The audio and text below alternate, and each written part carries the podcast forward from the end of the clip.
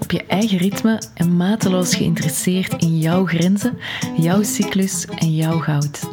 Ik help ondernemende vrouwen vertrouwen op zichzelf en in deze podcast geef ik antwoord op de vragen die in mijn coachpraktijk het vaakst terugkomen. Samen zetten we je schuldgevoel opzij en ga je vol goesting en vertrouwen voor een droomleven op jouw ritme. Er gebeurt veel in mijn leven. Dit is uh, best een kwetsbare podcast, want er gebeurt veel in mijn leven de laatste tijd. En ik wist lang niet hoe ik dat met jou wilde delen. Maar ik voel wel dat ik je graag wil meenemen in mijn proces. Omdat ik geloof dat ook voor jou misschien dingen in perspectief kan zetten. Een andere manier om te kijken naar je eigen leven en wat daar allemaal gebeurt. Je zal merken dat het een proces is, dat er stappen zijn die ik te zetten had en dat het achteraf bekeken logisch was, maar ook een beetje gek aanvoelt dat ik niet meteen zag wat ik nodig had. Toch maar tegen de stroom in bleef zwemmen, terwijl ik al jaren van de daken schreeuw dat het zoveel makkelijker is om je te laten meevoeren, om mee te stromen op de natuurlijke ritmes rondom jou. Geef me dus even tijd om mijn verhaal te doen en je mee te nemen in de stappen die ik onderweg nam. Het pad ontrolt zich terwijl je het bewandelt. Fase 1 begint begin dit jaar. Er gebeurt veel in mijn leven en ik voel de nood om afstand te nemen. Ik ga begin dit jaar offline op social media. Eerst omdat ik niet weet wat te zeggen, later omdat me zoveel deugd doet. Ik kan wel wat bezinning gebruiken, ver weg van alle bus en activiteit. Mijn vader heeft pancreaskanker. Daar begon het mee begin dit jaar. Het is geen favoriete kanker voor mensen die nog heel lang en gezond willen verder leven. En terwijl ik dit vertel, voel ik een krop in mijn keel en tranen in mijn ogen. Want je vader misschien kunnen verliezen, dat doet wat met een mens. Het is een behoorlijk emotionele rollercoaster, maar ze brengt ook rust en helderheid. Ik voel meer dan ooit de nood aan diepgang. Het gevoel van, kom aan, hè, als je dan gaat werken en andere dingen doet dan bij hem zijn, dan kan het maar beter deftig zijn, zoiets. Ik wil dingen te goed doen, diepgaand, grondig. Dat is altijd mijn voorkeur geweest. Ik hou ervan om met mensen iets op te bouwen, samen ergens onze tanden in vast te bijten en echt voor verandering en transformatie te zorgen. Maar die noodzaak wordt de laatste tijd groter. Ik voel dat ik eindelijk werk wil maken van mijn droomtraject. De plek waar alles samenkomt. Waar ik echt alles van mezelf kan geven en in een heel intiem groepje intens aan de slag kan gaan met andere ondernemende vrouwen. Die nood aan diepgang voel ik ook bij mijn coaches, de klanten die ik al wandelend begeleid. Ze willen niet blijven aanmodderen, een beetje aan zichzelf werken, ze willen echt vooruit, verschil zien. In een proces stappen en het gevoel hebben dat ze er niet alleen voor staan als ze spannende beslissingen gaan nemen, eindelijk durven kiezen voor zichzelf. Op dat soort momenten, wanneer je keihard aan het groeien bent, is dat oncomfortabel, spannend, grellig zelfs. Een beetje zoals deze podcast opnemen. En het is heerlijk als er dan mensen bij je staan die je echt kan vertrouwen, die jouw back hebben, waar je op kan rekenen. Nu mijn vader ziek is, besef ik eens zo hard hoe belangrijk die mensen rondom je zijn. Ik voel ook dat ik het rustiger aan wil doen, tijd wil nemen. Koffietjes wil drinken met mijn barista-vader, het gevoel wil hebben niks te moeten geen druk te hebben. Ik wil tijd om naar de sauna te gaan, om op mijn gemak nieuwe sokken voor mijn kinderen uit te kiezen, om ons huis extra gezellig te maken met een opgeruimde, ingemaakte kast en heel veel liefde voor blije planten en mooie potten. En om te coachen, want dat doe ik super graag. Maar niet met de druk dat iets tegen een bepaalde datum af moet zijn en dat er minimaal x aantal mensen moeten meedoen om van dat nieuwe droomtraject een succes te kunnen maken. En terwijl ik heel goed voel dat ik op de rem wil gaan staan, ga ik die periode daarop alleen maar volle gas. Eigenlijk op zoek naar rust, maar in praktijk vooral bezig om mijn leven heel ingewikkeld te maken. Ik verdiep me in een uitnodiging voor een project waar ik graag aan mee wil werken. Zeg ja op meetings voor een waardevolle samenwerking. Doe wat extra voor een nieuwe klant die ik graag wil verder helpen. Allemaal vanuit het idee dat ik daarmee dingen op termijn makkelijker ga maken. Over een tijdje meer tijd en ruimte ga hebben en de dingen nog meer op mijn eigen ritme ga kunnen doen. Als dit en dit en dat in orde is, dan ga ik eindelijk zoiets. Maar in werkelijkheid voelt het als een net dat me verstrikt. En dat is iets wat ik heel veel mensen zie doen. Een probleem willen oplossen door datgene te doen wat het eigenlijk erger maakt.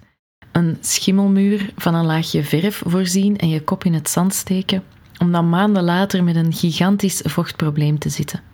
Of een glas wijn drinken, in plaats van het moeilijk gesprek te voeren met je partner. En dan met je zatte kop een enorme ruzie uitlokken. Of, zoals ik, heel hard werken in de hoop dat je het dan binnenkort wat rustiger aan kan doen. Dat is oplapwerk. En dingen willen oplossen met iets wat minder ingrijpend lijkt te zijn dan dat wat echt nodig is. En you know, zachte heelmeesters maken dan stinkende wonden.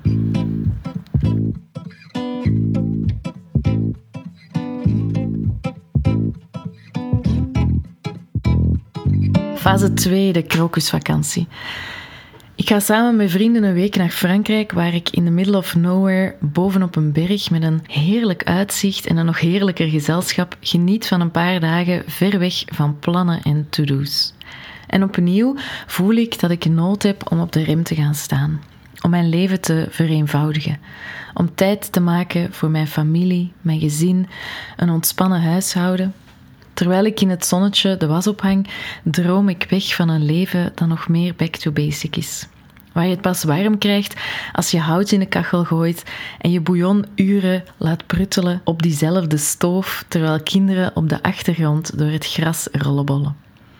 Maar vooral een leven waar er ruimte is voor koffietjes en tijd doorbrengen met mijn vader om er te kunnen zijn waar nodig is.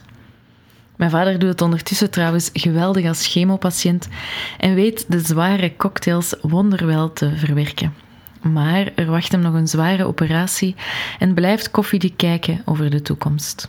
Zelfs deze niet-koffiedrinker beseft heel goed wat dat zou kunnen betekenen. Maar opnieuw kies ik ervoor om harder te gaan werken om plannen te maken die op lange termijn heerlijk zullen zijn en helemaal passen binnen het leven dat ik wil leiden en me ook echt de rust zullen gunnen waar ik aan toe ben. Maar op dit moment voldoen ze eigenlijk niet aan die behoeften. Want dat nieuwe traject bijvoorbeeld, waar ik super enthousiast over ben, kost om te beginnen vooral veel werk en voorbereidingstijd. Tijd die ik eigenlijk anders wil besteden. Ik voel paniek opkomen, angst, overweldiging vanwege alle to-do's die nodig zijn om mijn plannen te kunnen implementeren. Ik voel dat ik het niet allemaal snel, snel geregeld krijg. Terwijl ik wel snel ruimte en rust nodig heb. Niet over een jaar, maar nu. Het is nu de tijd om echt op de rem te gaan staan en ruimte te maken voor wat prioriteit heeft.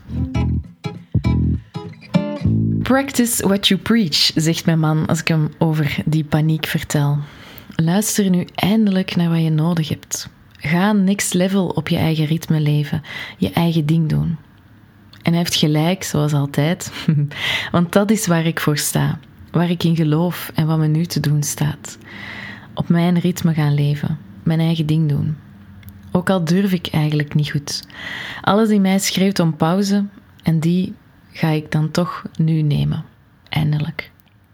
Ik stuur mailtjes aan iedereen, leg uit wat er aan de hand is, zet projecten, samenwerkingen en nieuwe plannen op pauze. En dat voelt goed. Lucht op en is tegelijkertijd beren spannend. Want wat gaan anderen hiervan denken? Wat betekent dat voor mijn eigen toekomst? Luisteren naar jezelf is niet makkelijk. Behoefte voelen en erkennen en durven uitspreken, dat gaat niet vanzelf. Het lijkt makkelijker om op zoek te gaan naar een plakker voor op de wonden, voor dat glas wijn in plaats van dat moeilijk gesprek. Maar ik kies bewust voor korte pijn, voor wat echt nodig is.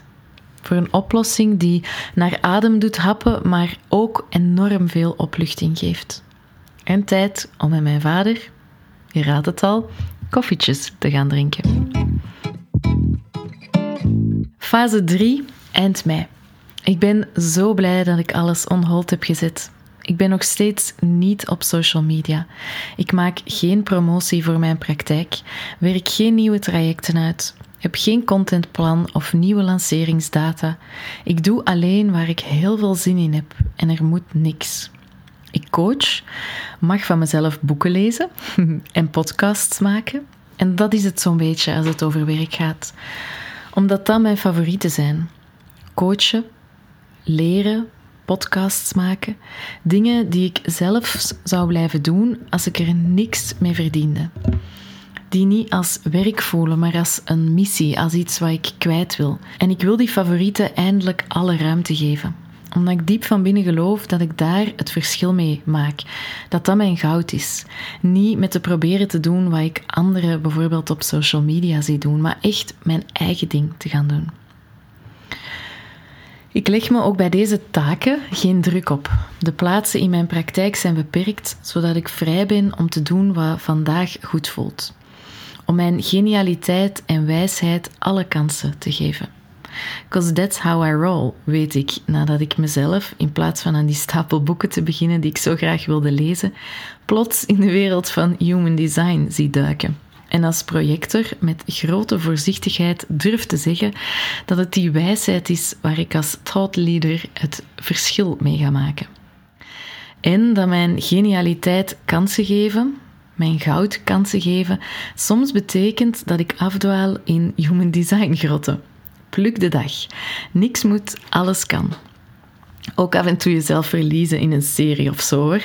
Het is niet dat ik hier een en al verhevenheid ben geworden. Onlangs nog besloot ik dat het weer tijd wordt voor boeken lezen in plaats van schermstaren, omdat ik tijdens mijn menstruatie vanwege grote vermoeidheid hersenloos naar Meet was beginnen te kijken en dat mij nog wat extra slapeloze uren opleverde en wat extra vermoeidheid omdat ik niet meer kon stoppen. Ik had er pluk de dag gewijs tijd voor, maar voelde me achteraf niet per se beter. Dus ik denk dat ik het de volgende menstruatieperiode toch anders ga proberen aan te pakken. Het is dus een leerschool, maar kort samengevat dompel ik me heerlijk onder in een leven op mijn eigen ritme en laat de teugels eindelijk los. Als zelfstandige is dat spannend en uitdagend. Want gaan klanten nog wel de weg naar mijn praktijk vinden? Wanneer ga ik dan wel werk maken van al die projecten? Hoe ga ik mijn geld hiermee verdienen? Zou ik niet beter, denk ik vaak, bijvoorbeeld als ik dan meet aan het kijken ben? Want op dit tempo komt er niks van al die plannen in huis. Maar ik heb mezelf verplicht om tot september officieel niks te doen en me onder te dompelen in al die traagheid en onzekerheid. In een winterperiode, als je het cyclisch bekijkt. Een periode in mijn leven die straks, dat voel ik nu al, gigantisch vruchtbare grond gaat opleveren, maar op dit moment vooral heel rauw en onzeker voelt. En in mijn achterhoofd zijn er heel veel stemmetjes die me proberen te overtuigen om toch in actie te schieten om mezelf toch targets en doelen te stellen. Om te gaan doen wat de mensen rondom mij doen die daar duidelijk veel succes mee hebben. En het kost me best wat wilskracht om die stemmetjes niet te volgen. Om te blijven geloven in mijn eigen goud, mijn eigen ritme. Om wel go with the flow te gaan en te voelen wat me te doen staat, in plaats van te bedenken wat ik moet doen op basis van wat de maatschappij verwacht om geen nieuwe plannen op te zetten en alleen te doen wat vandaag goed voelt. Waar ik behoefte aan heb, zin in heb, vanzelf gaat. Omdat ik diep van binnen geloof dat mijn goud dan veel meer kansen krijgt en ik op mijn eigen ritme veel meer gedaan krijg dan wanneer ik als een kip zonder kop doe wat iedereen doet. Mijn lichaam en omgeving vinden het al vanaf dag 1 meer dan oké. Want er is plots veel meer tijd om te zorgen, om te sporten, om elke dag op mijn gemak te koken en dat gemak nog te vergroten met Hello Fresh boxen en foodbags en daar weer ongelooflijk van te genieten en nog vrolijker rond te lopen en iedereen met mijn fijn humeur blij te maken. Maar ondertussen durft mijn hoofd ook nogal te panikeren Want ik ging toch podcasts maken en stapels boeken lezen? Waarom komt dat er dan niet van? Op dit tempo komt er niks van mijn goud terecht. Deze komt niet goed, wordt er steeds weer van hoog in mijn bol geschreeuwd. Maar het voelt zo lekker, dat ritme nu. En er gebeurt ook veel zonder dat ik al die dingen doe. Ik voel. En voor het eerst in mijn leven laat ik dat toe. Golven van verdriet overspoelen me. Ik voel onzekerheid, dankbaarheid en heel lang heb ik die gevoelens willen verstoppen. Ik groeide op in een mannelijk bastion met drie broers die ik wilde laten zien dat ze mij niet klein konden krijgen. Ik dacht een leven lang dat ongecontroleerde emoties een teken van zwakte waren. Dat je brak en het niet meer aankon. En dat wilde ik niet. Ik wilde net laten zien dat ik geen zwak meisje was en ook mijn mannetje kon staan. Nu voel ik eindelijk. Ik voel dat ik dat niet meer wil. Ik wil geen gevoelens verstoppen. Ik wil mijn vrouwelijkheid niet als minderwaardig of zwak beschouwen.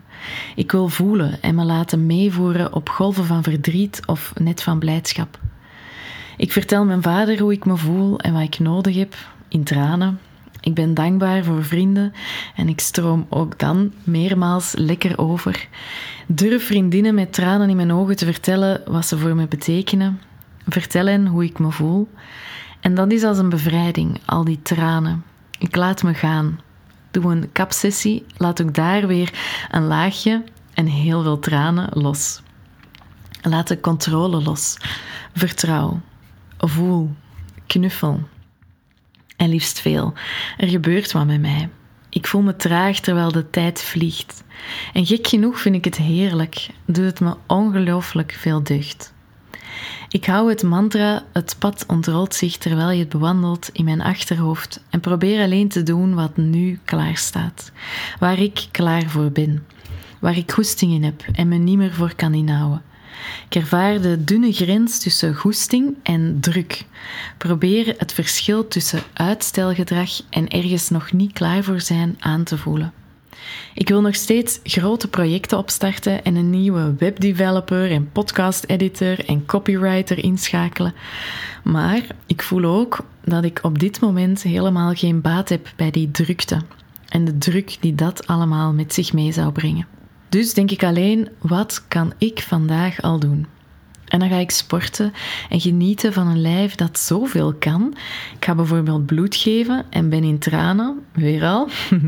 Omdat ik lang geleden, toen ik helemaal uitgeput was na jaren zonder slaap, vanwege dat lieve kind, dat de eerste drie jaar van haar leven de nacht liever samen en wakker wilde doorbrengen. En toen uitkeek naar de dag waarop ik terug genoeg reserves zou hebben om bloed te kunnen geven.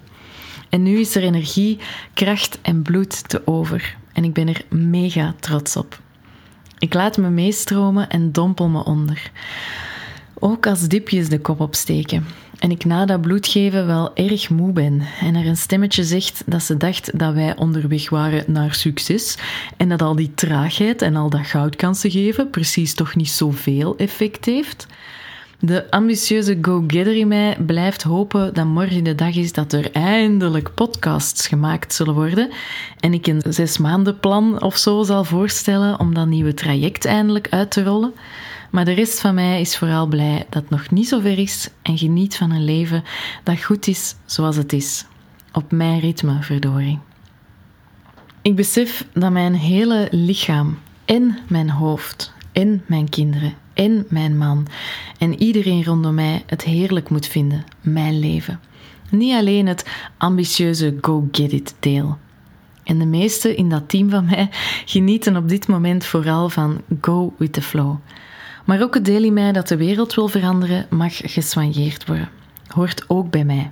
Net als al de rest. Het hele plaatje moet kloppen. Dan pas is het jouw ritme en kan jouw goud echt shinen.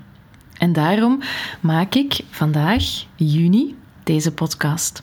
Omdat ik voel dat het tijd is om mijn verhaal te doen, om weer een stapje te zetten.